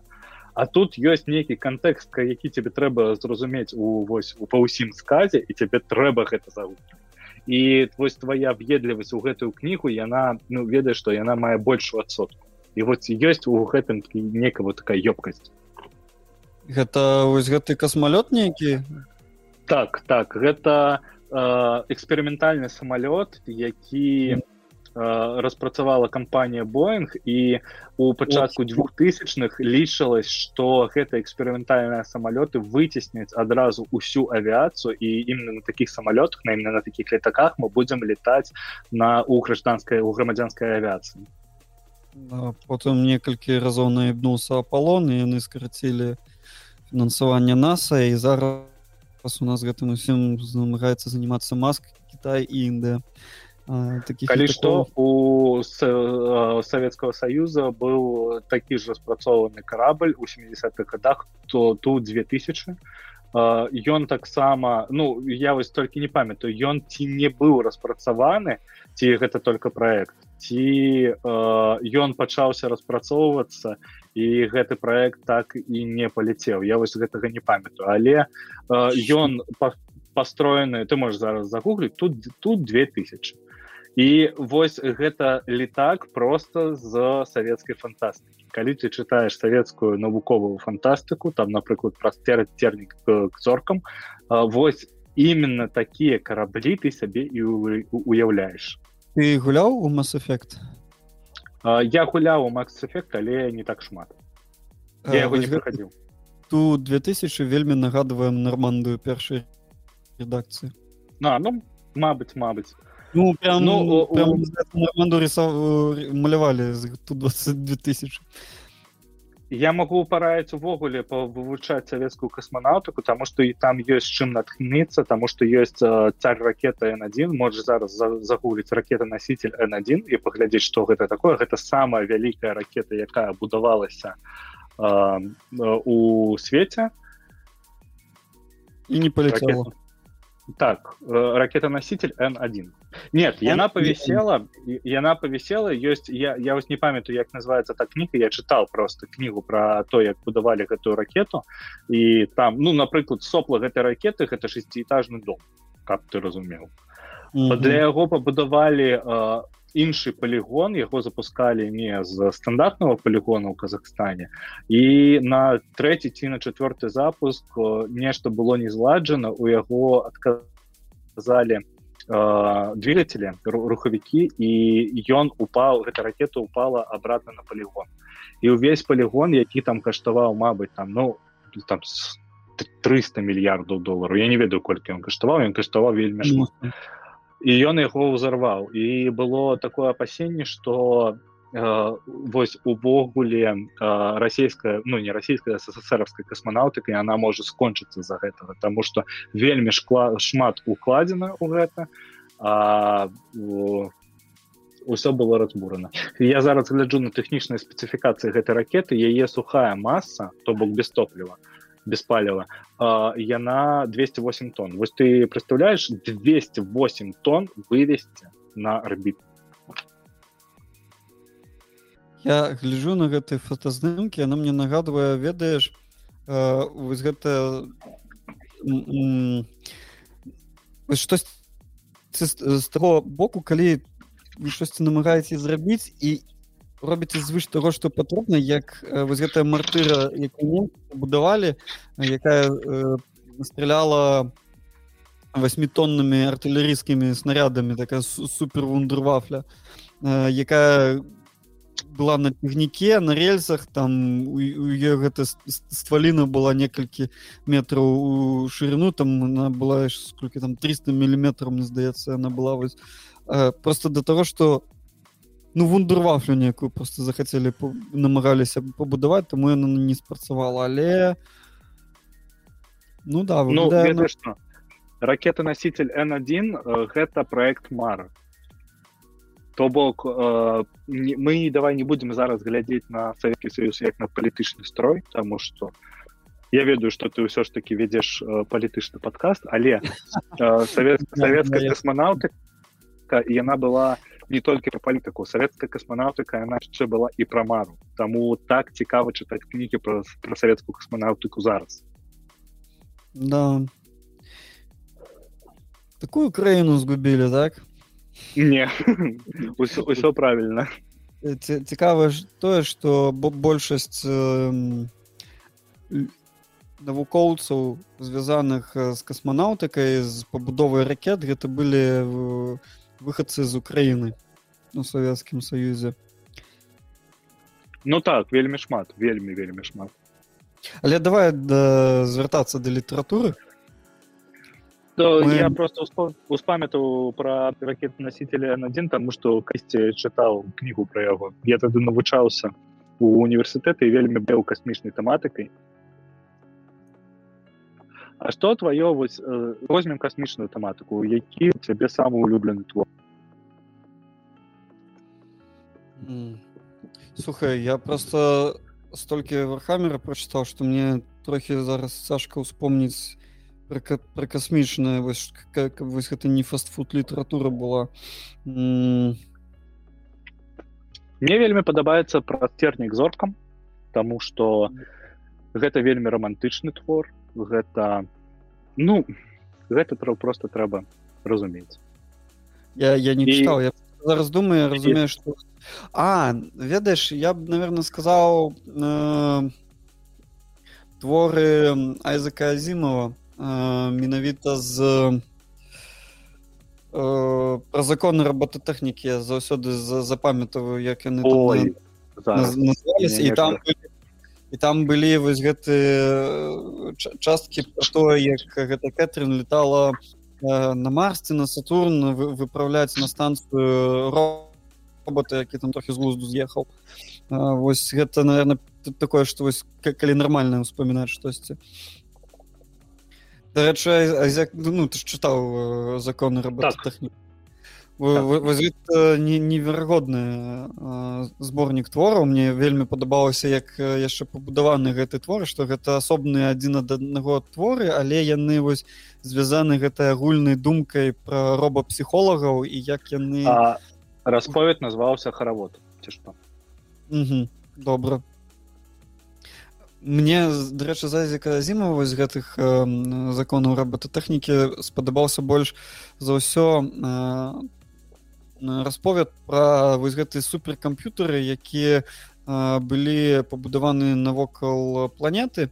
Там их колькі-то 6 штук было ці 5 якія адказвалі за разныя рэгіёны і яны ну суперкамп'ютары як штучныя інтэлекты якія у вырашылі ўсе праблемы якія трэба было вырашыць э, людзям. То бок яны не станавіліся государствамі яны э, прапанавалі ўжо гатовыя алгарытмы работы што людзям трэба рабіць дзе што пабудаваць э, дзе што паправіць каб выправіць іх агульна-сацыяльнае жыццё. І вось там гісторыя про то як адзін з роботаў збыў таксама была вельмі выразная. Вось я, я добрыя памяталі я уже забыла чым там было. Ты памятаеш ты гэты расповед так, памятаю.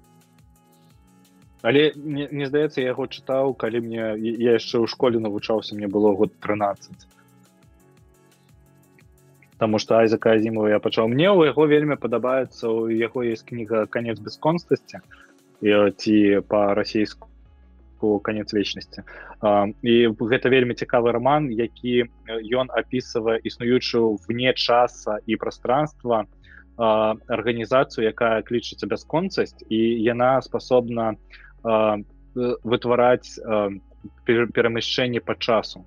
А я пачынаў шасці на мне не пайшла. Но я да я ведаю пра што ты кажаш пра вось па мне гэта лепшая кніга якую напісаў айза казімаў таму што гэтая кніга яна вельмі вельмі такая яна вельмі романтычная і вельмі вельмі натхняльная.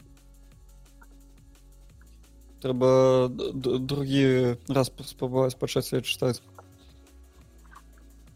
Э, я памыляюся ці у азімова яго ж крані з беларусі таксама?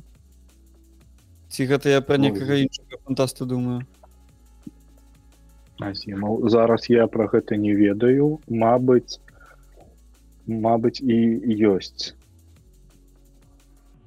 Я нарадзіўся ў смаленскай губерніі 6 6 кастрычніка 19 -го году ну, а потым яго потым яго бацькі з'ехалі ў ЗША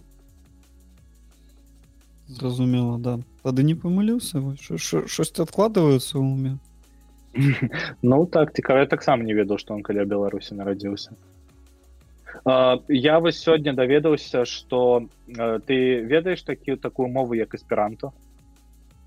Да я сёння суполкі менавіта мне пра гэта написали. Я, я не ведаў что такое існуе я я дакладна не зразумеў что это за мова.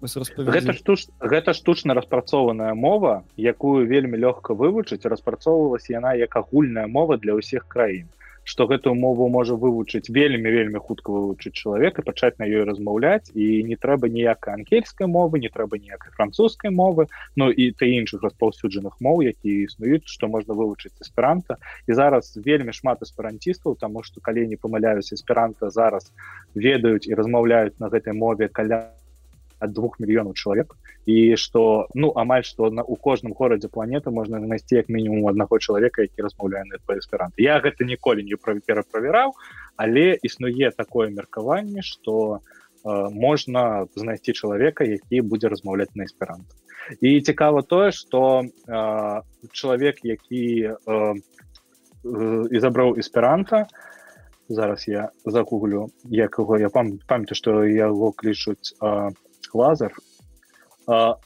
лазер людвиг маркович. Вот лазер маркович земен земенков прабачьте ён нарадзіўся у расійск у беластоке гэта на той час расійская імперыя і вельмі цікава тое что ён нарадзіўся у беластоке ён ён быў габрэем але ведаў і беларускую мову і ведаў хіндзіш яшчэ ён ведаў ён у беларусі вывучыў у калі ездзіў у Беларусь па сваёй навуковай дзейнасці ён вывучыў нямецкую мову. Увогуле калі ты валодаеш шмат якімі мовамі гэта адчыняе табе не толькі магчымасці но адчыняе табе мозг каб ён просто больш ведаў і даваў мог успрыняць і дасягнення вось гэтых ведаў калі ты валодаеш некалькімі мовамі гэта ну мова насамрэч мне здаецца гэта адно з аснов некалькі валодання некалькімі мовамі. Гэта адно з асноўных ось у сучаснай цывілізацыі для сучаснага грамадзяніна любой краіны. Я учора размаўляў са сваёй сяброўкай яна родам з чышне на чычэнка але яна жыве ў рассіі і чыжанскую мову яна не ведае Ну так. І вось гэта вельмі сумны расповед тому что яе бацька загінуў у першай чачанскай вайне і яе маці пераехала ў Росію маці ці таксама этнічная чычынка і мы з ёй размаўлялі пра гэта яна ўсё жыццё жыла ў ставропольскім краі зараз жыве ў санкт-петербургу. І э, мы з ёй размаўлялі і я кажу вось вельмі цікава які у нас розныя інфармацыйныя прасторы я з дзяцінства ведаю некалькі словаў э, адразу веду некалькі словаў. По-польску па-літоўску. Для мяне гэта нармалёва калі э, побач са мной іншыя культуры але я пры гэтым жыву у цалкам монакультурнай стране у вас такого няма тому что ну, у, у вас няма такого что вы проедете 100 кіламетраў і уже там будуць размаўляць по-іншаму что там будзе іншая мова.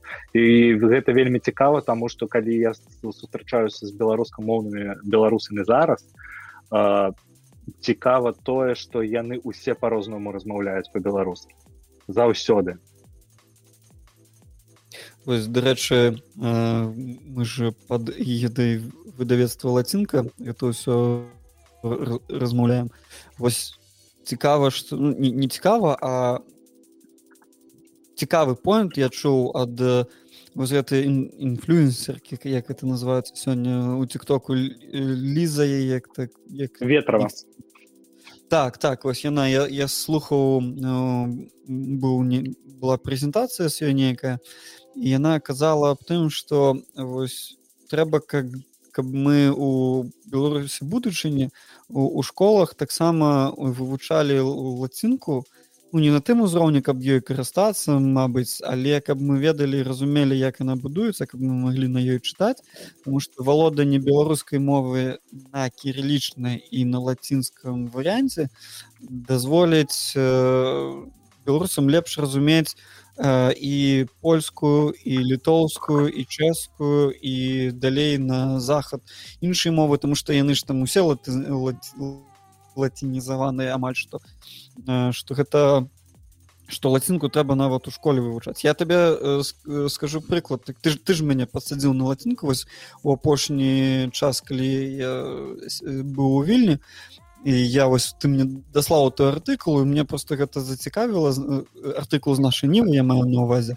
Я просто разабрался як на больш-менш будуецца пачаў там дзесьці спрабаваць памылкамі пісаць але вось мне заўсёды я прыязджаў з вільні для да сяброў у, госці у польшу і я ну блин мне быў незразумелы польскі я не мог на ім чытаць зразумець але мне ўсе казалі ну калі ты з беларусі ведаеш беларускую ты з польскай тебе лягчэй ты, ты, ты можаш я лягчэй зразумець.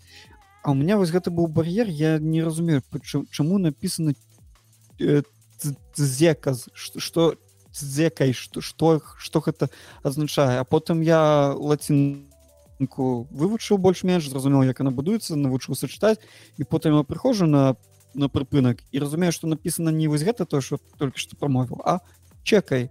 Ну чакай чакай і да потым я вось быў у варшаве я там зранку гуляў у парке і падыходжу да стэнду які распавядае гісторыю гэтай паркі што гэта за парк.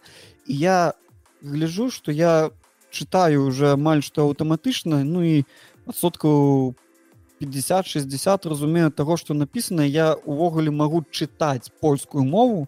Я разумею што ну па-першае беларускую пачаў практыкаваць а па-другое таму што я просто вось у мяне базовые веды лацінкі уже былі нейкія сфармірованы мне гэта дапамагло зразумець і менавіта польскую мову вось таму лацінка гэта кайф і я трэба вывучаць у маленстве у беларусі что я, я лічу про лацінку трэба размаўляць мне мне падаецца что зараз калі ты вывучаешь лацінку ты робіш адразу некалькі таких добрых дел ты самаадукоўваешься і ты вырызаешь свою гісторыю беларускай лацінкі але як я чалавек які з беларускай лацінкай пазнаёміўся даволі шмат часу то ну там я з ёй познакомился познаёмился калі я быў яшчэ ў школе. Я могу вось полностью подпісацца под кожным словом тому что калі я яшчэ навучаўся ва універсітэт і прыязджаў тую ж польшу для мяне не стаяла ніякага пытання як чытаць. І як чалавеку які больш-менш добра ведаў беларускую мову для мяне польская мова была зразумела. І ну вось мне здаецца что вы я і да ну ладно окей я вывучаў польскую мову тому что я скончыў польскамоўную школу. Але э, калі я яшчэ не ведаў ніяк польскай мовы я тады разумеў на на слух амаль што мне здаецца 60 соток 50 соток того што мне казалі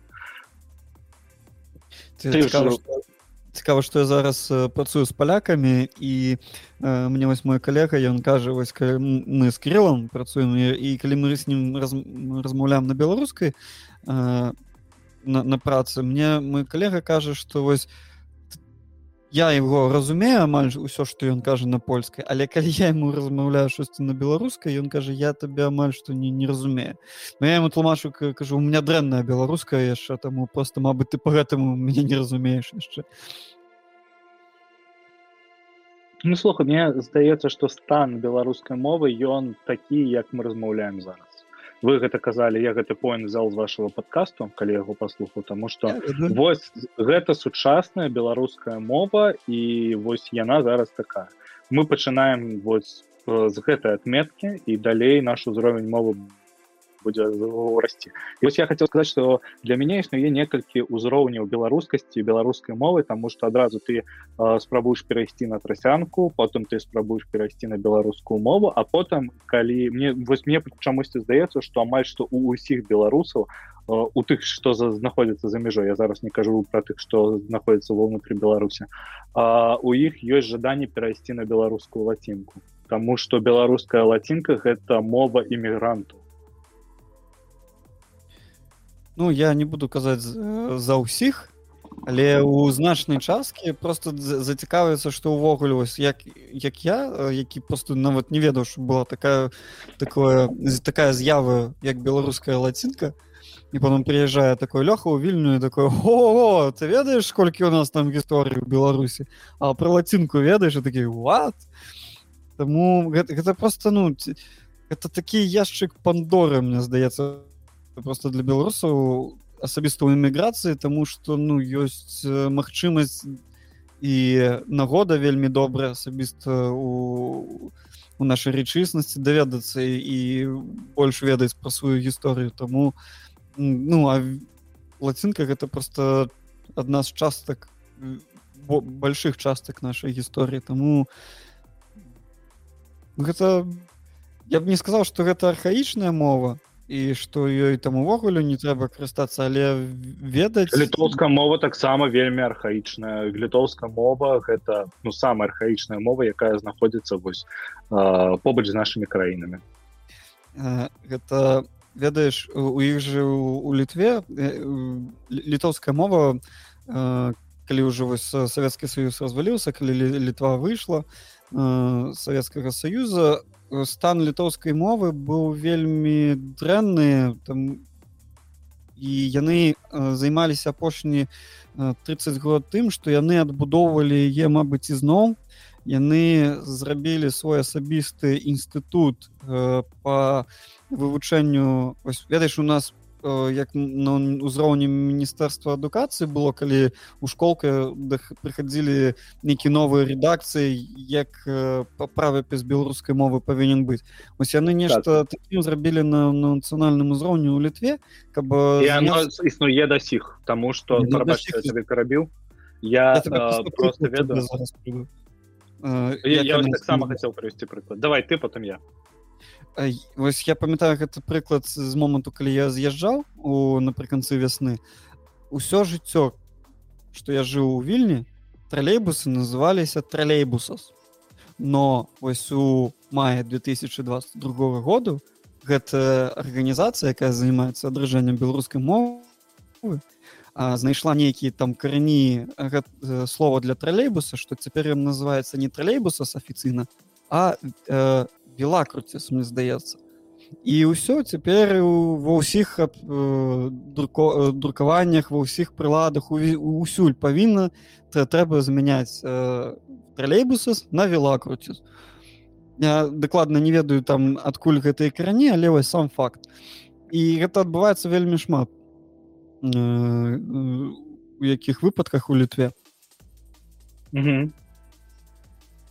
Я хотел вось так такі же прыклад сказаць тому что заўсёды было слово менеджер і гэтае слово менеджер яно ва ўсіх мовах менеджер але год таму сабралася камісія і яны перамінавалі менеджеру в вадовас или вадавас mm -hmm. я, не, я не ведаю просто літоўска вадовас Окей. І э, цяпер напрыклад калі ты падаешся э, свае дакументы ў міграцыю і у цябе ты працуеш менеджерам і то цябе трэба ставіць гэты код дзе написано вадовас да да дарэчы ну, мне здаецца вадовас яна заўсёды было просто что да ты зараз скажаш і я памятаю что на документах яно пачало з'яўляцца просто часцей у мяне на, на працы.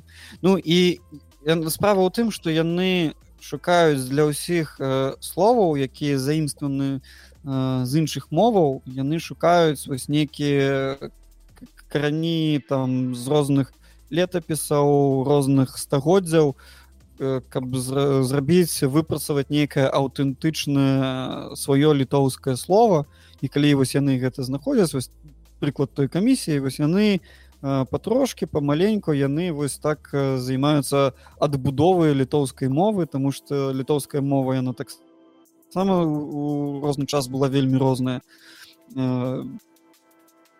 Калісьці ну, літоўская то... мова была кірылічнай ці што у расійскай імперыі спрабавалі перавесці літоўскую мову на кірыліцу не атрымалася асоба асабіста а Не ну чаму ведаеш што у э, ссср вывучалі з 50-х по па развал савецкага саюза вывучалі літоўскую мову кіралічным яны перайшлі да лацінкі ў 90-х зноў.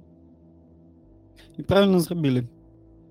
Правильно mm -hmm. зрабілі таму што гэта сучасны стан літоўскай мовы. І я вось не ведаю ці трэба перахадзіць да лацінцы э, беларускай мове таму што гэта такі вельмі вельмі спорны вопрос спорное пытанне Мне здаецца что ну калі мы уже пайшлі ў гэтую тэму что беларускай лацінкай трэба карыстацца вось э, будзе ва ўсіх на нейкіх культурных трэба каб беларуская э, лацінка была бачна у культурных гістарычных назвах э, культурных э, нейкіх э, установах інстытуцыях там на, напрыклад музеяў там дзесьці на ну на выставах на, нацыянальных как бы вось, яна просто был шла паралельна бачнасць яе была разам з беларускай мовы каль на, на кірыліцы ну гэта не, не ведаю насамрэч ці трэба гэта рабіць але мне просто здаецца вось мне асабіста михаилу здаецца что гэта будзе круто.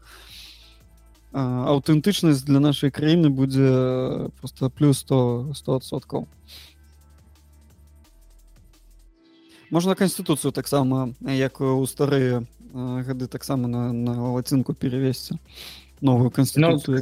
ну, дарэчы было цікава. Мне мне таксама вось тая канстытуцыя якая была будзе новая рэдакцыя трэба ее выпускать і ў кірыліцы у лацінца. Ведаеш у адной кніжцы да так.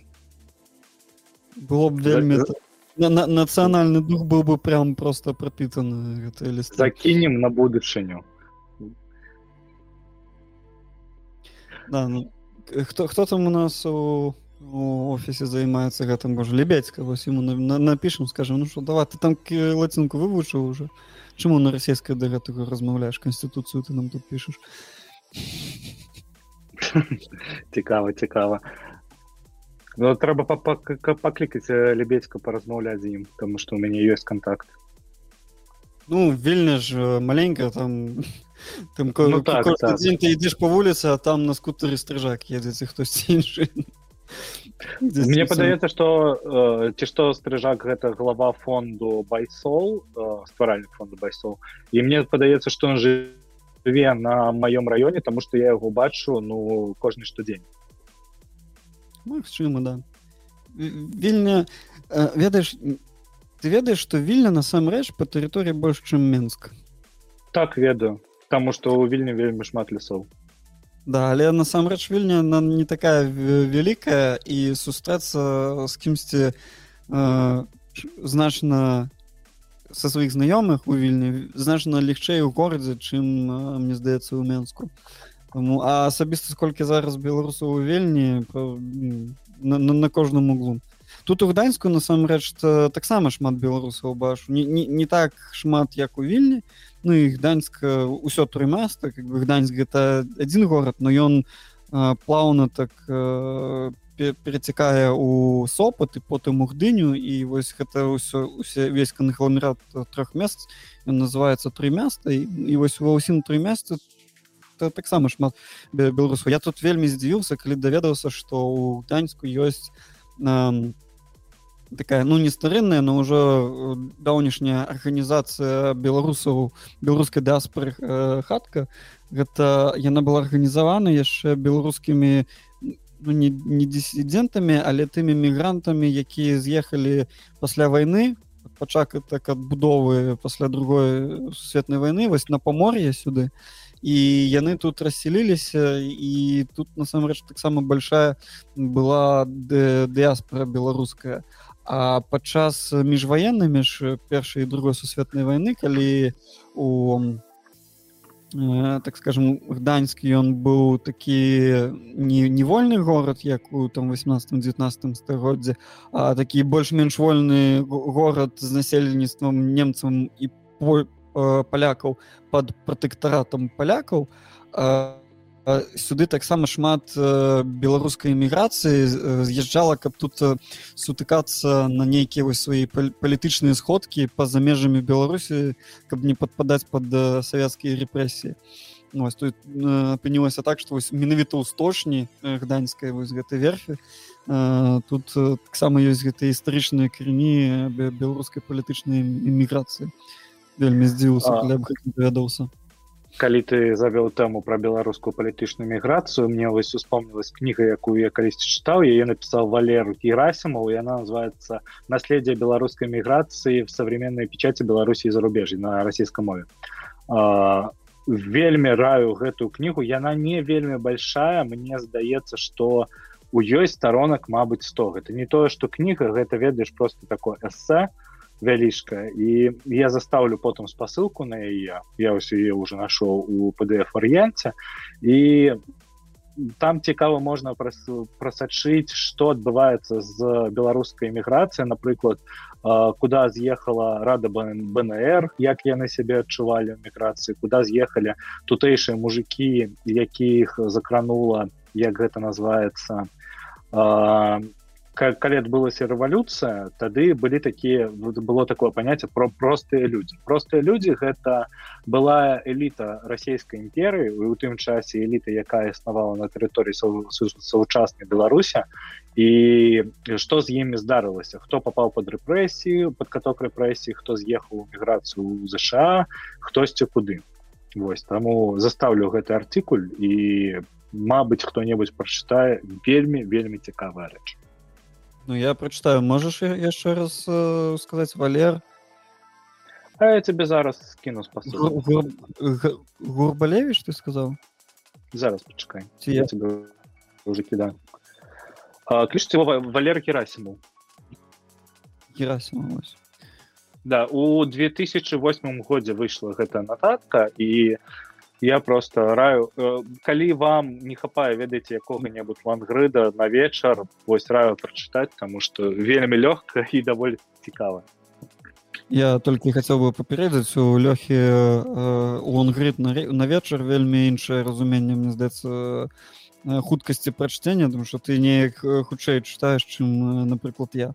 На, на тым же уладары кня княста Э, літоўскага то что зараз чытаю дзе ты сказаў что яно за два-тры вечары чытаецца мне я менавіта і таму яго спампаваў пачаў чытаць что мне здавалася ну я яго хутка прачытаю оно не такое хуткае таму э, то тое что чытаецца на вечару за вечару лёхі у іншых можа чытацца за за некалькі тыдняў просто маецца на увазе. А давай вось с тобой зараз паразмаўляем про вось гэтую кнігу ці што я напісаў віту чаропка. Сама кніга яна бескаштоўная яе можна спампаваць спасылку я таксама заставлю потым. А, ты зараз чытаеш уладароў вялікага княўства я упэўнены у тым что гэта беларуская версія гульнітрону ці згодны ты са мной? Ну я зараз на гетмане астрожском э, гэта другая глава. Ну заробы там конечно моцныя ідуць і мне, мне просто цікава калі я гэта чытаю гэта э, наколькі гэта гістарычна адпавядае рэчаіснасці того что адпавядалася. То бок гэта адпавядае рэчаіснасці. То бок гэта калі гэта так то гэта вельмі добрая кніжка. Менавіта я штосьці такое шукал каб пачаць уваходзіць э, у гісторыю вось бело беларусі старой беларусі э, старой літвы. Э, калі мы яшчэ ліцвінамі э, назваліся вось у нейкім такім больш э, ну это не роман но нейкім такім вось по паэтычна празаічным фармаце каб гэта было цікава чытаць неяк гістарычны нейкі трактат. Таму ну я не чытаў гульню трону але ну зарубы там моцныя і а, ты як заўсёды гэта заруба з масковій то яны вось у гэтай кнігі вельмі добра можна прасачыць тую мысль дзе з'явілася вось гэтая тэма з тым што Беларусь гэта частка рассеі што беларуская мова гэта частка расійскай мовы Таму што вось настолькі тады гэта было яшчэ калі смаленск быў беларускі Да, и, и Смоленск там... Э, не, говорит, это Василь Российский сколько разов, там, 3-4 разы он штурмовал, штурмовал гэты Смоленск, так хотел его захопить, и так его хотел это Михаил Глинский за, захопить себе, что только... А Смоленск он был таким камнем преткновения вельми долгий час.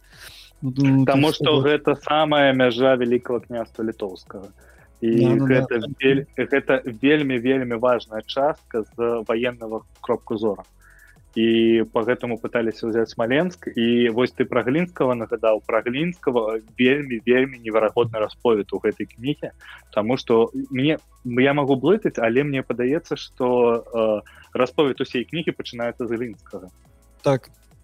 Ну ну вось і гэта вельмі добра тому что это вельмі неверагодна цікавая частка Вось з гэтага гэта вельмі добрый уваход у гісторыю ў Беларусі.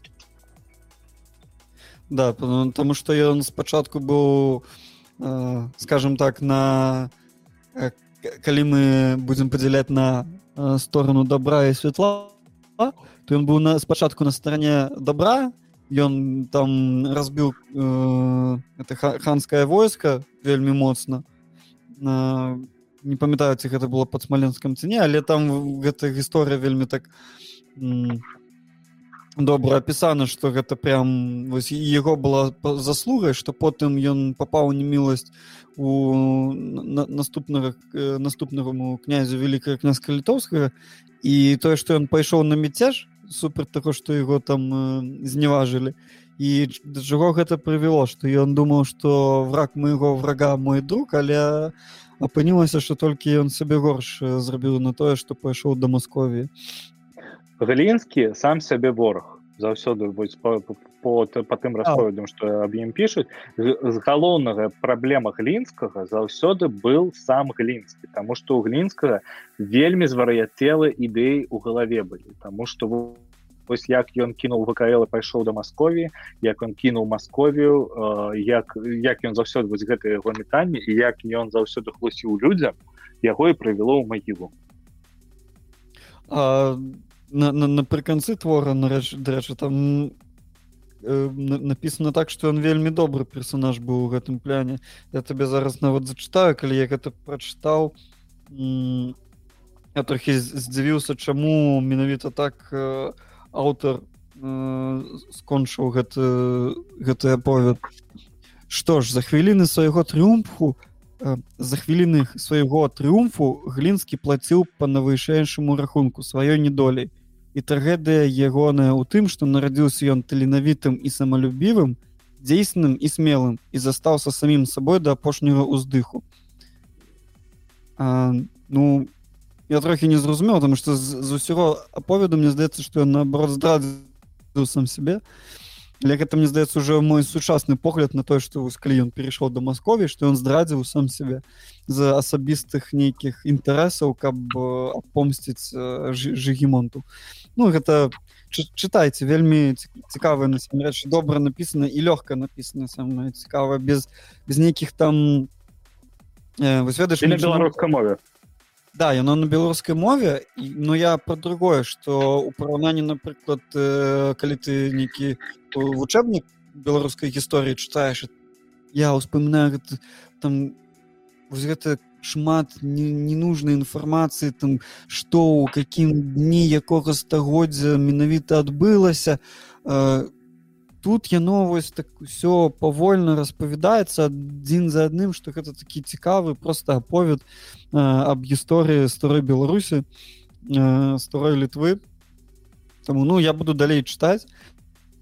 я, я вось толькі на, на, на другой главе што пра Канстанціна астрожскага зараз чытаю вельмі ну, мне вельмі цікава тому што я ж я ж кажу, кажу як я казал уже на дзесь там сярэдзіне пачатку пачатку нашага подкаста что я ну вельмі шмат гісторыі просто пропусціў беларускай тому что ну, по, по розным чыннікам так скажем. І зараз для мяне гэта нешта такое прям вау. Калі калі... выбач калі ёсць некая такая літаратура для ўвахода ў беларускую гісторыю ось такого кшталту яшчэ то ты прапануй що я ведаю что ты шмат ведаеш так так я я могу зрабіць дарэчы подборку з беларускай гістарычнай літаратуры якую будзе не сумна чытаць тому что вось віту чаропка ён про тое что яго ніколі не сумна чытаць і гэта не тая кніга якую ты чытаешь перад сном. Ну, ось я бы быў удачны асабіста я быў бы удачны потому что я менавіта штосьці такое і і не тое што я шукаў але я хацеў бы такое знайсці але не не ведаў адкуль пачаць. Що шмат інфармацыі калі вось ёсць хтосьці тебе просто хтосьці параіць. Нагадай калі ласка назву кнігі пытае мяне алесю асабіста якую назву якой кнігі? Якую мы зараз абмяркоўваем? Гэта уладары княства літоўскага уладары вялікага княўства называется і гэта напісаў вітал чаропка мне яшчэ спадабалася ну не спадавалось спадабалася і трошки здзівіла тое что вялікае княства літоўская і руская згадваецца ў гэтай кніжке ну так, Я... частка частка была расійскай Ну ведаю что гэта это не датычыцца ніяк сучаснай рассіі да тому что гэта просто до таго что для мяне сучаснага якое вось з маленства быў трохі не не ў гістарычным кантэксце і разуменне рассіі вось мне здаецца і шмат для якой моладзі якая прыкладна так же выхоўвалася як я ну что Росія гэта вось сучасная тэрыторыя па-за смаленскам да Маскові і гэтак далей аж тое што Русь насамрэч яе большая частка была насамрэч на ўкраіне што гэта вось перша э, што гэта зусім іншая мова што гэта іншыя абрады гэта іншае вераспавяданне та іншае Да і што менавіта так так як вось гэта першапачатковая Русь была на, на тэрыторыі сучаснай Україніны і частка тэрыторыі Україніны таксама было часткай э, част, часткай вялікага княства літоўска і таму ось э, зараз для калі я уже трохі пачаў і у гэтым пляне вывучаць тое што я не ведаю для мяне вось гэта раз, разуменне чаму назва вялікае княства літоўская і руская становіцца ну пазл ізноў складваецца чаму менавіта так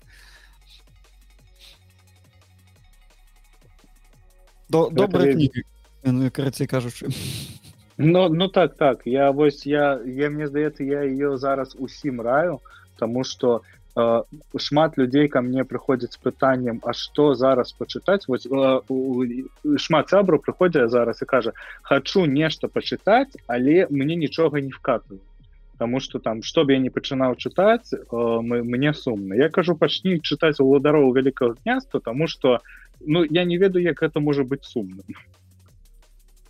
да тому что там няма вось гэтага э, ён заўсёды цябе трымаю тонусе тому что там больш вядзецца аповед про то як ну якіх зарубы былі то с татарамі то з немцамі то з маскавітамі. І то бы гэта тебе заўсёды гісторыя про то як яны пайшлі порубіліся дзесьці хтосьці ў полон трапіў сидзеў пакутваў у турме звярнуўся год адпачыў далі ўзнагароды вось гэта буквально один абзац і потым у тебя опять там две-тры главы про нейкую одна заруба другая заруба тут яны збіраюць войска у гэтым годзе. І вось так про кожнага князя там яны гэта ўсё распавя я просто так разумею что далей будзе прыкладна тое ж самае про іншых князёў потому что ну кніжка то называется называется уладары княства літоўскага чым княства літоўская занималася з большасці оно сабе абараняла экспансій яна займалася і культурнай экспансію свой час і займалася земельнай экспансію свой час. А потым яна бар... вельмі шмат баранілася пасля да, его... да, его...